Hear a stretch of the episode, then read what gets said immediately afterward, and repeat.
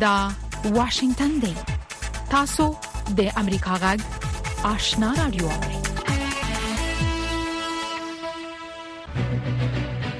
قدرمن اوریدونکو السلام علیکم زه شافیا سردار یم دا د امریکا جغ آشنا رادیو خبرونه پیل شوه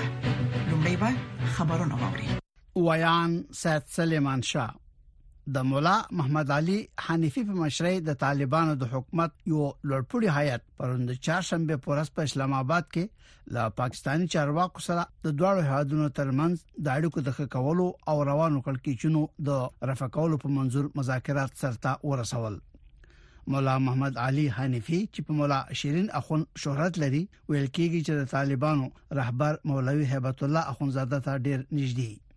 لمولا شیرین اخون سره په دې حیات کې د طالبانو د حکومت د دفاع د وزارت او د استخباراتي ادارو استاذ هم شاملو نوموړي مخکې هم تیر کال له پاکستاني چارواکو سره د دواړو هیوادونو ترمنځ د ستونزو د رفع کولو په منزور مذاکرات سرته رسولي وو د کابل او اسلام آباد ترمنځ د تحریک طالبان پاکستان یا ټي ټي پی په سر په دې وروستي وختونو کې ستونزه رامنځته شوه دواړو خواو د ګډې پولې د مدیریت او امنیت د ساتلو په ګډون هم په اړوندو مسایلو خبرې وکړې د پاکستانی مطبوعاتو ریپورت ورکړی چې د پارلمان د پخوانی غړي او د ملي دیموکراسي غورځنګ د مشر محسن داور د موټر په کاروان ناپیژندل شو وسلوالو د شمالي وزیرستان د ټاپې په سیمه کې ډزې کړې خو په بلد کې هغه ته زیان نه دی اوخته لبل پلوه د خیبر پښتونخوا په شمالي وزیرستان کې د سه شنبه په ورځ د مرغومي په 12مه د شپږو نایانو مړي په پټیو کې اومندل شو او فکر کیږي چې د ټوپکو په ډزو وشتل شوی او وژل شوی سیمایي چارواکي وایي چې د غنایان د پنجاب صوبې اوسیدونکو او د شمالي وزیرستان د میرالي په خارګوټي کې سلماني لرله د افغانستان سیمه او د نړۍ خبرونه له امریکا غا واشنگټن نوري د اسوسییټډ پریس خبري اژانس د ریپورت لمخې ایران وایي چې لکه لګا یو سل درې کسان پروند چهارشنبه په ورځ په کرمان کې د القدس قوې د بخوانی قوماندان جنرال قاسم سلیمانی د څلورم تلین د منځلو په مراسمو کې په دوو چاودنو کې وژل شوی او یو سل یو څولښتنه نور ټپيان شوی دي د ارنا خبري اژانس ریپورت ورکړي فکر کیږي چې د یو شمېر ټپيانو روغتيي حالت خرابي یو چاودنه د قاسم سليماني له قبر نه 200 متره لري وشوه نو موړی څو کال وړاندې د بغداد په نړیوال هوایي ډګر کې د امریکا د وی بي پلوټه ډرون الوتکه په حمله کې خپل او څو ملګرو سره یو ځای وژل شوی وو اسرایلی ځواکونو د غزې په تړانګ باندې نوې هوایي حمله سرته رسولې دي دا تازه بریدونه ورسته د هغه وشو چې د وی بي پيلوټه ډرون الوتکه په برید کې چې ګمان کیږي اسرایل وکړي د حماس یو لړپوړی چارواکي صالح العروري لخپل دریو نږدې ملګرو سره ځای وژل شو د لبنان د دولتي اژانس د ریپورت لمخې ټول ټاشپک کسان وژل شوې دي د حزب الله مشر سید حسن نصر الله خبرداري ورکړو چې د لبنان په خاوره به د حزب الله پر مشرانو د اسرایلو د هر ډول برید غچ اخلي لبل پلاوه د ترکیه د کورنۍ چارو وزارت د سه شنبه پورز د مرغومې په 12مه اعلان وکړ چې د دې شکسانې د اسرایلو د استخباراتي ادارې موساد لپاره د جاسوسي په تور نیولې دي ترکیه په اتو ولایتونو کې فعالیت کوي د ترکی حکومت لا د نیو شو کسانو هویت نه افشا کړي خو د اسرایل جاسوسان زیاتره هغه فلسطینی مشران څاري چې په ترکیه کې ژوند کوي د ترکیه چارواکو تیر کال په هغه هواد کې د دوو مرګانیو زلزلو په اړه چې له 50 زر نه زیات خلک پکې وژل شوی د پلټنو د پیل کولو اعلان وکړ د جنوبي کوریا جمهور رئیس یون سوګ یول وړم ورځ د حکومت د مخالف ګوند پر مشر لی جای مایوینګ باندې برید وغندو او هغه ټیرریستي عمل وباله د جاپان د ترانسپورت د وزارت مامورانو او پولیسو د چهارشنبه پر ورځ د توکیو په هانیدا هوایي ډګر کې لوي غټي مسافرونکو الوتکې سره د جاپان د ساحلي ساتونکو د یوې ترانسپورت الوتکې د ټکر کېدو په اړه پلټنې پیل کړې د ساحلي ساتونکو په الوتکه کې اور ولګېد او د عملي 15 تن غړي د اور په لمبو کې وژل شو او امریکایي چارواکي وایي چې د مکسیکو د سرحد په لارې تیر کال له 300 زر نه زیات کډوال چې په متحده ایالاتو کې د سیاسي پناه اخیستلو په منزور راغلیو ثبت کړي د امریکا د کورنی امنیت وزارت ویل زیاتره دغه مهاجرین د اسیا، افریقا او د منځني ختیځ د هوادونو اتباع دي چې د امریکا سرحد ته د مکسیکو په لار معمولا په قانوني ډول ځان نرسي او بیرستا یا په غیر قانوني ډول امریکا ته نووتو کوشش کوي او یا په قانوني توګه درنوتو هڅه کوي د خبرونو پای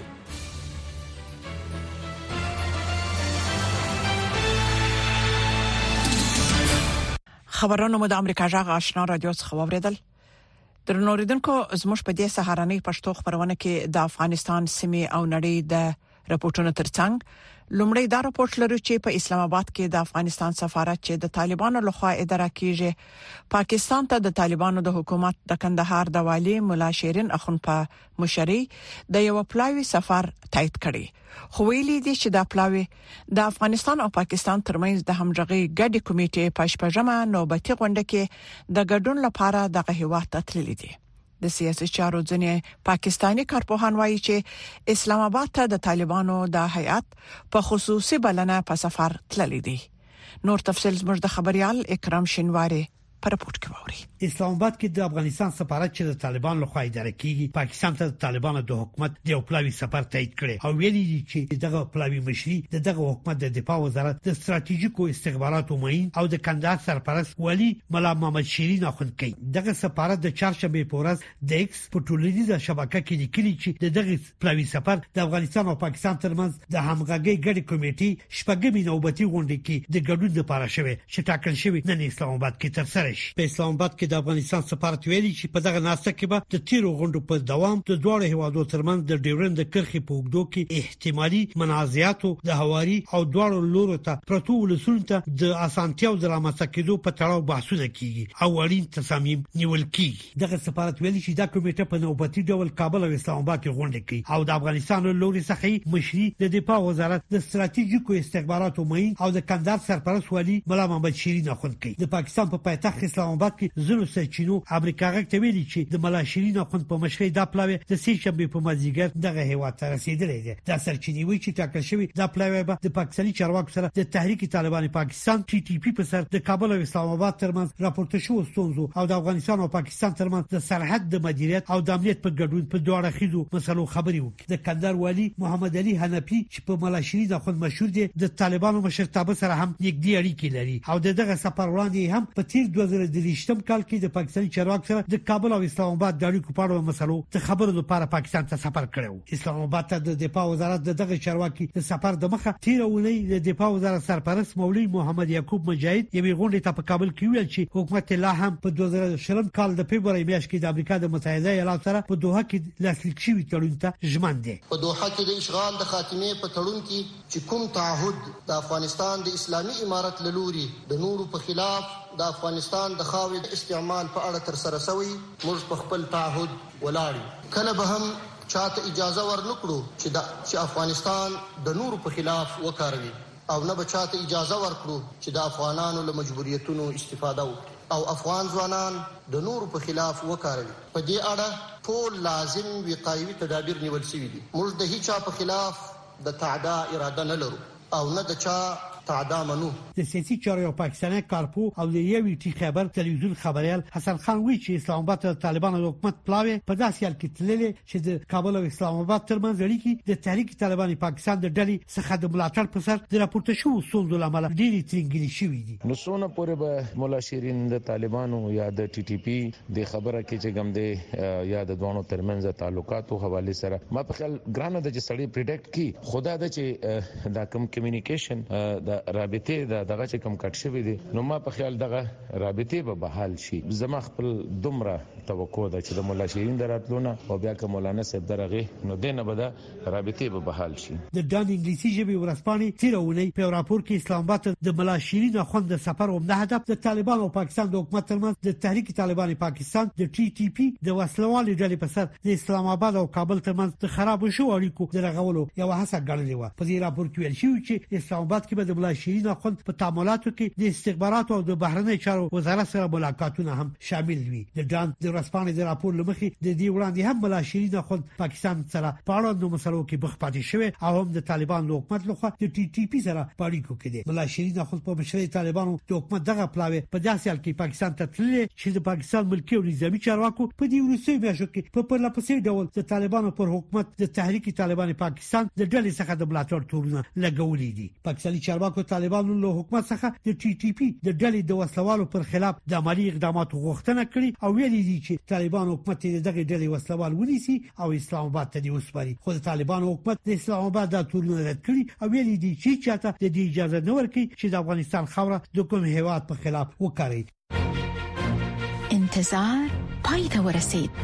ترنو لیدونکو او اوریدونکو تاسو کولی شئ د امریکا غا ټلویزیونی او رادیوي خبرونه د یاسات ساتلایت له طریقو وګورئ او واورئ د نوي ساتلایت لارې تاسو د آشنا اتصال او کاروان ټلویزیونی خبرونه کتلای هم شئ د امریکا غږ د افغانستان څنګه خبرونه په 398 چنل او د آشنا رادیوي خبرونه په 390 چینل کې اوریدلای شئ لملتيامو د تل پشان مننه د امریکا جغ آشنا رادیو څخه تاسو زموږ د خبرونه اوري د حماس او د حزب الله ډلې مسؤلین وایي چې د لبنان په مرکز بیروت کې په یوې چاودنه کې د حماس یو مشر او د دغه ډلې درې غړي وژل شوي دي د حماس مشر اسماعیل یحیی د یو ترکریز عمل بولی د اسرایل پوځ د الاوري وژنه نه د منلې او نه یې هم رد کړې ده حماس او په منځني ختیځ کې رسنۍ وایي چې د اسرایل د ډرون په برید کې د حماس ډلې یو جګپوړی غړی صالح العراوري وژل شوی دی برید د سه شنبه په ورځ د بیروت د مشرقیه په سیمه کې شوی چې د حزب الله ډلې غړي پکې فعال دي د لبنان د دولتي خبري اژانس د راپور پر بنسټ په پېښه کې د الاراوري په شمول شپږ تنه وژل شوي دي. بكل معاني الفخر والاعتزاز. مونږ په ویاړ، ایمان او د هغه مقاومت له مخې چې د شهیدانو لارې ته به دوام ورکوو، په کور دننه او بهر د خپل فلسطیني ولس سره خپل خپګان او ویر څرګندوو. د حزب الله ډلې مشر سید حسن نصر الله خبرداري ورکړه چې په لبنان کې به د حماس ډلې پر مشرانو باندې د اسرایل د هر ډول برید غچ اخلي د اسرایل پاوز د دغه ګواښ په اړه د تبصره کولو نه ډډه کړې ده لکه څنګه چې مې په اعلامیه کې یادونه کړې زه به هغه څه ته ځواب ورنکړم چې دلته او یا په نورو ځایونو کې اوریدل شوې دي مونږ له پیل نه د حماس پر ضد په جګړه باندې متمرکز یو او دې کار ته دوام ورکوو. د اړتیا په وخت کې به مونږ خپلو خلکو ته لازمې لارښوونې وکړو. مونږ غرمه، ماښام او سهار خپلې لارښوونې مشخصوو او بدلوو یې. العراوري د حماس ډلې د پوځي څانګې له بنسټګرو څخه ګڼل کېده او یو مهال په لویدیځه غاړه کې د دغې ډلې پوځي مشر و. ځینو رسنیو هغه د حماس ډلې دویم لوی مشر یاد کړی دی. دا یو ترور وو چې په ترڅ کې رهبران وژل شول لکه څنګه چې ویني مونږ د ورانیو او موټرانو په منځ کې ساریو دا د بیروت لپاره زیان رسونکې ده دا عمل ماته د بیروت او لبنان د اشغال په څیر ښکاری اسرائیل نحن معودین علی مونږ د اسرائیل سره آشنا یو د 2008 کال د جولای په جګړه کې دوی د کانو او خلکو ترمنځ توپیر نه کاوه سکهال هم ورته حالت دی هغه څه چې غزه کې وینو ښايي دلته هم تکرار شي. اسراییل لومړي وزیر بنیامین نتنیاهو د اکټوبر د اومې نېټې له برید څخه مخکې هم د العراوري د وژلو ګواښ کړی و. امریکا د العراوري پر سر جایزه ایښې وه او ویلي و، که هر چا داسې معلومات ورکړل چې له مخې یې العراوري پیدا شي، پنځه میلیون ډالر ورکوي. العراوري اوس وژل شوی او ښايي د هغه وژنه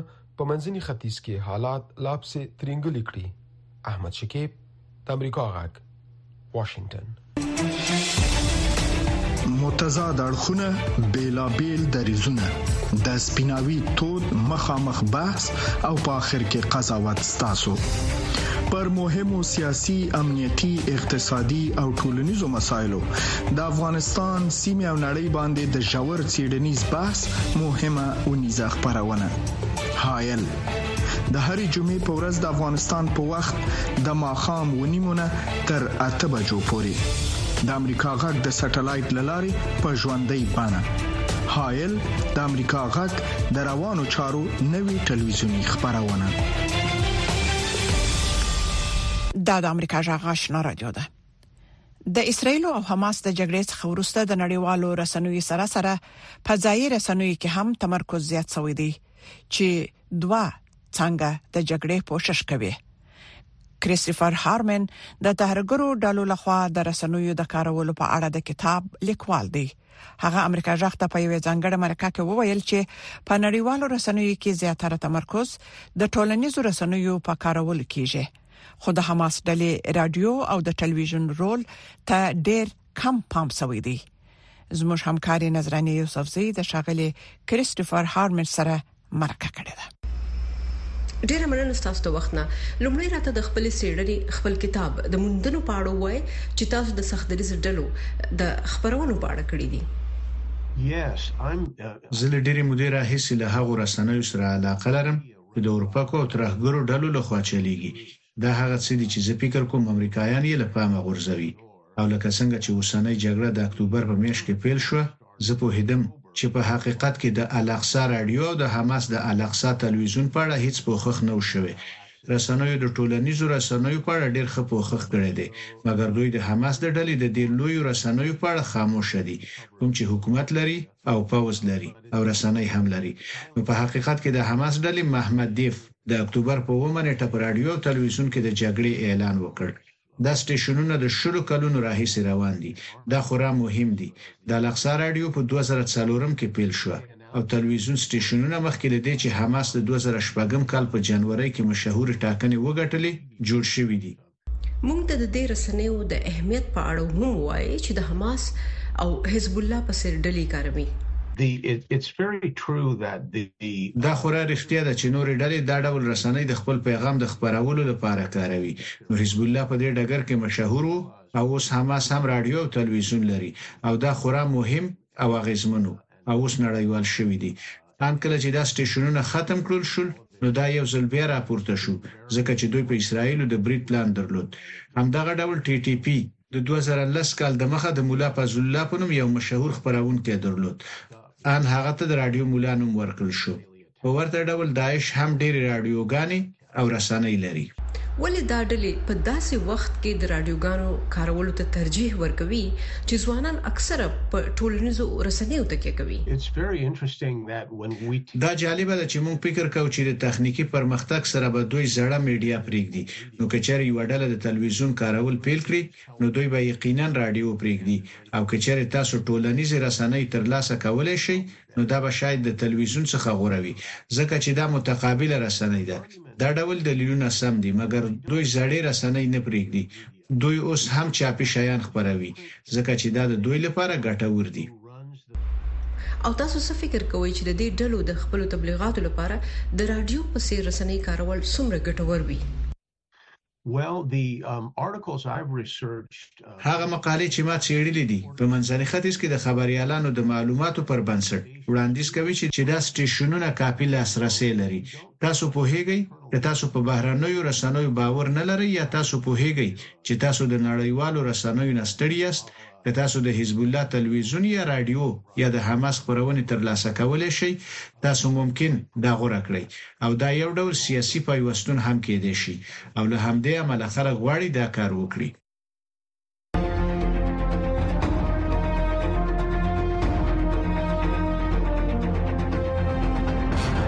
اتصال، زموږ او ستاسو پایوستون. خبرونه، څېړنې او خبرګونونه.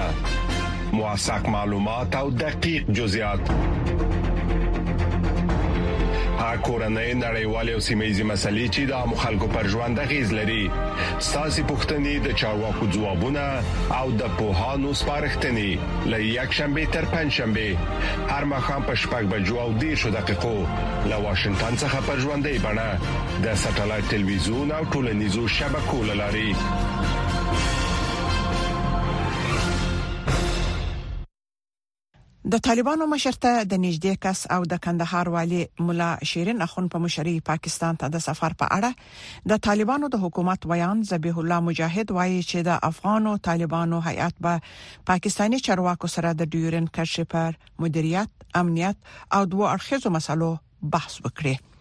یو شمیر شنونکي وایي چې د پاکستان او افغان او طالبانو ترمنځ اړیکې ظاهرا خراب شوي خو په حقیقت کې یو بل سره اړیکې پالي د طالبان د حکومت ویاند ذبیح الله مجاهد پاکستان ته د افغان طالبانو د پلاوي د سفر په اړه په خپل ایکس باندې لیکل چې د طالبانو پلاوي به د ډیورن کرښې پر مدیریت، امنیت او دوه اړخیزو مسلو د پاکستاني چارواکو سره خبرې کوي. شنونکي د دغه سفر په اړه بېلابېل نظرونه لري. دغه سفر چې دی ویل کیږي چې د پاکستان د اردو په بلنه باندې شوی دی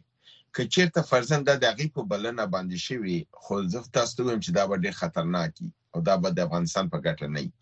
په دې وروستیو کې ظاهرا د افغانو طالبانو او پاکستان ترمنځ اړیکې د تحریک طالبان پاکستان پر سر ترینګلې شوې دي طالبانو د پاکستان مناسبات چې دي دا اساسي توګه باندې استخباراتي دي ځکه چې په وګدو کې چې کله دا پاکستان یو قسم ته 1994 یا شپږ نوی نه د سره همکاري شروع کړې ده نو دا استخبارات په بنیاد باندې او پاکستان دی کې ډیره سرمایه ګزاری کړی ده دا منل چې دا دوی پاکستان منځ کې اړیکې خراب شوې دي او شلیدو ته نږدې دي زه په دې باور نه یم زما خیال دا دی چې دواړو ته ضرورت دی چې یو بل لږه فاصله پیدا کړي طالبانو لپاره دا چې افغانستان کې د نن هغه ضرورت دی ځکه چې خلک وایي چې دا خو پاکستان را لګلې دي نو هغه ضرورت دی چې د یو د اوخې چې د خو مستقل دی او پاکستان سره دښمنۍ حتی لګیا دي. د معلوماتو پر اساس پاکستان ته طالبان د پلاوي مشري د کندهار والي ملا شیرین آخوند کوي چې د طالبانو مشر ته نږدې کس بلل کیږي. ملا شیرین آخوند تر دې مخکې د طالبانو د پخواني مشر ملا محمد عمر امنیتي مسؤل و. یوې سرچینې امریکا غږ ته وویل چې ملا شیرین آخوند څه نا څه بډایه هم دی او له دې کبله په طالبانو کې مهم کس بلل کیږي او د طالبانو په ډله کې امنیتي او استخباراتي کس پاتې شوی دی. ملا شیرین اخوند چې دی دا د قندهار والی دی او والی چې دا ملکی مامور په حساب باندې د وزارت داخلي په ماموریت کې حسابيږي د د وزارت خارجه په مامور کې نه حسابيږي او دا د ډیپلوماسي نه بیرون یو حرکت دی که چیرته فرزند دغه تعینات خپل د دې هغه مشر ملا هیبت الله کړي چې ته معزف ته لاړ شي دغه کار وکي بیا په دې کې کوم حقوقي او سیاسي کوم باک نشته دی.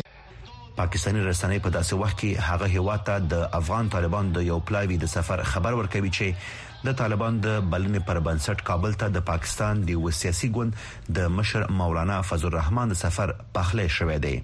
وحید فیضي د امریکا غږ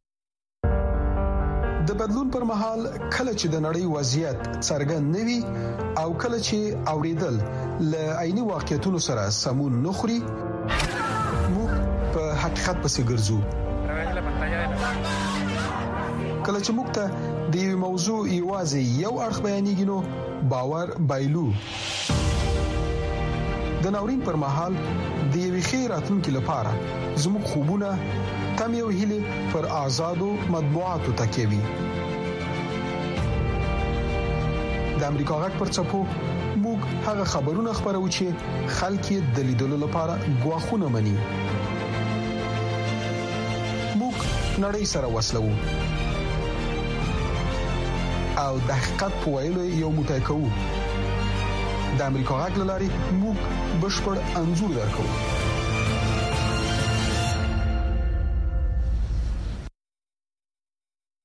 رپورټونو ته دوام ورکوه د پاکستان د بشري حقوقو کمیسیون یو ځل بیا د حکومت هغه پریکړه غندلې چې افغان کډوال د پاکستان څخه په زور باید وایستل شي یاد کمیسیون وايي پاکستان د ټولو بشري حقوقو څخه سرغړونه کړې او په ورته وخت کې یې حالت د راتلونکو ټول ټاکنو په شفافیت هم اندیشنه څرګنده کړې ده خدای نور ناصر په دې باره کې رپورت لري د پاکستان د بشري حقوقو خپلواک کمیسیون غړیو په یو خبري غونډه کې د افغان کډوالو د ایستلو په حق له پاکستان پریکړه غندلې او دا یې د بشر ضد کار بللی دی د یاد کمیسیون مشرانو د اسلام آباد په مطبوعاتي کلب کې په یو خبري غونډه کې ویلي د پاکستان له دې پرېکړې سره د یو شمېر فعالانو، ښځو او ماشومانو ژوند په خطر کې شوی دی. د نړیوالو اصولو پر ضد او په افغانستان کې د دوی امنیت په پام کې نۀ نیول او په ډله ییزه توګه د پاکستان له لوري د افغان کډوالو شړل چې ورسره د پناه غوښتونکو چې ښځې، ماشومان، لویان او معیوبه افغانان پکې وو، د ټولو ژوند په خطر کې اچولی دی. د پاکستان د بشري حقونو خپلواک کمېسیون غړیو په دې خبري غونډه کې د بلوڅ مېرمنو پر احتجاج او همداسې د دغه هېواد د راتلونکو ټولټاکنو په هکله هم د تشویش څرګندونه کړې. سیاستدانو کې پر قدغنې تو هې مګر عوام کې په بي بهت ساري قدغنې. نه یوازې پر سیاستوالو بلکې په ولس باندې هم بندیزونه لګېدلي دي. ولس غواړي چې خپله خبره وکړي. هغه که بلوڅې مېرمنې وي که زده کوونکي او یا هم ښوونکي وي، واکمن یې په سمدستي توګه غږونه وربند کړي. د ټولو ټاکنو مقصد همدا وي چې ولس خپلو استازو ته خپلې ستونزې ور وښيي، لاکن تاسو د هغوی خولې وربندې کړې دي چې ورسره د ټولټاکنو لپاره ښه ماحول تاسو ختم کړی دی. دا به ډیموکراسي نوره هم کمزورې کړي او زموږ ویره ده چې په داسې وخت کې چې هر حکومت جوړیږي په هغوی به پښتنې راولاړیږي. د پاکستان حکومت چې د تیر کال په اکتوبر میاشت کې یې د ناقانونه کډوالو د شړلو اعلان وکړ، ورسره سم په زرګونه افغان کډوالې کورنۍ خپل وطن ته ستنې شوې. هلته د طالبانو حکومت وايي، د تیر کال له اکتوبر میاشتې بیا تر اوسه پورې تر اته سوه زره پورې افغانان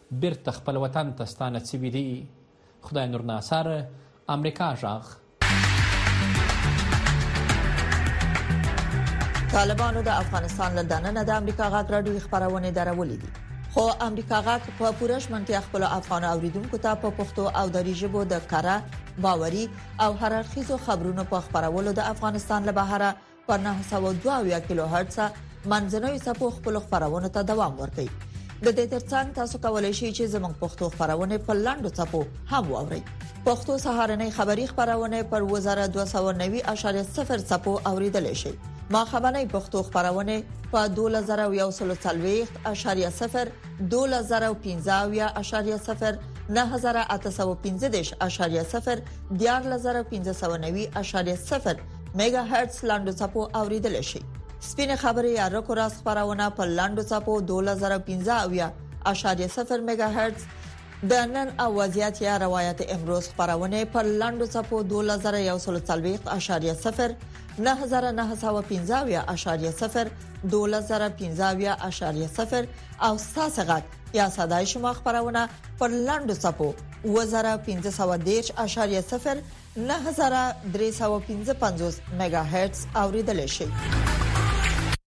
درمن اوریدونکو د سویډن حکومت او د دیموکراتانو ګوند په پام کې لري چې داسې یو قانون تصویب کړي چې لمخې په یاد هیواد کې به اسناد کډوال تر پیژندل کېدو وروسته وېستل شي د هغو ګوندونو په طرحه کې چې حکومت یې جوړ کړی راغلي د شوونځیو او روغتونونو په ګډون ټول دولتي بنسټونه اړ دي چې به اسناد کډوال پولیسو ته معرفي کړي څو د هغوی د نیولو او ایستلو زمينه مساعده شي خو دا پریکړه د شوونکو د ټولونو او د کډوالو د حقونو د مدافعینو له مخالفت سره مخ شوې ده د سویډن حکومت او د دیموکراتانو ګوند اوس مهال داسې یو طرح چیري چې لمخې ناقانونه کډوال تر نیول کېدو وروسته په زور له هغه هیواد ایستل کیږي د دغو سیرونو پایلې به د 2024 کال تر سپټمبر میاشتې پورې د هغه هیواد پارلمان ته واستول شي دغه طرح چې خوندزي او حتی روغتونونه د بیا اسناد کډوالو په اړه پولیسو او د کډوالۍ ادارو ته د معلوماتو په ورکولو مکلف کړي لپاره خو نیوکو سره مخ شوې ده یو شمیر سیاسي ګوندونه د ښوونکو ټولنې او د کډوالو د حقونو مدافعین دا طرحه د کډوالو د حقونو نقض ګڼي دا قانون کولی شي د ډیری کډوالو حقونه نقض کړي کله چې کډوال ناروغ شي روغتون ته به لویر نه نځي چې هغوی پولیسو ته خبر ورنکړي د بیا اسناده کورنۍ او ماشومان ښوونځي ته د تګ حق لري خو دا قانون به د دې لامل شي چې هغوی نور خپل ماشومان ښوونځیو ته وانه ستوي، ځکه دا وېره به ورسره وي چې هغوی به پولیسو ته خبر ورکړي. د سویډن د کډوالۍ سختو سیاستونو کډوال له ګڼو سختیو سره مخ کړي دي. رضا ابراهیمي د لسو کلونو راهیسې په سویډن کې ژوند کوي، خو تر اوسه یې بخت یاري نه ده کړې او د کډوال په توګه نه دی منل شوی. څوارلس کلن و چې سویډن ته راغلی و، خو اوس دې پریکړې اندېښمن کړی ځکه شرایط ورته سختېږي. تل مې هڅه کړې چې د ټولنې یو مفید غړی واوسم. هغوی کډوال تر سخت فشار لاندې نیسي. اووه میاشتې کېږي چې زما د کار اجازه یې راڅخه اخیستې ده. ډېره سخته ده چې کلونه بې برخلیکه یم. له دې مخکې د کارګرانو ټولنې او صحي برخې هم د حکومت له دې پریکړې سره سخت مخالفت ښکاره کړی و،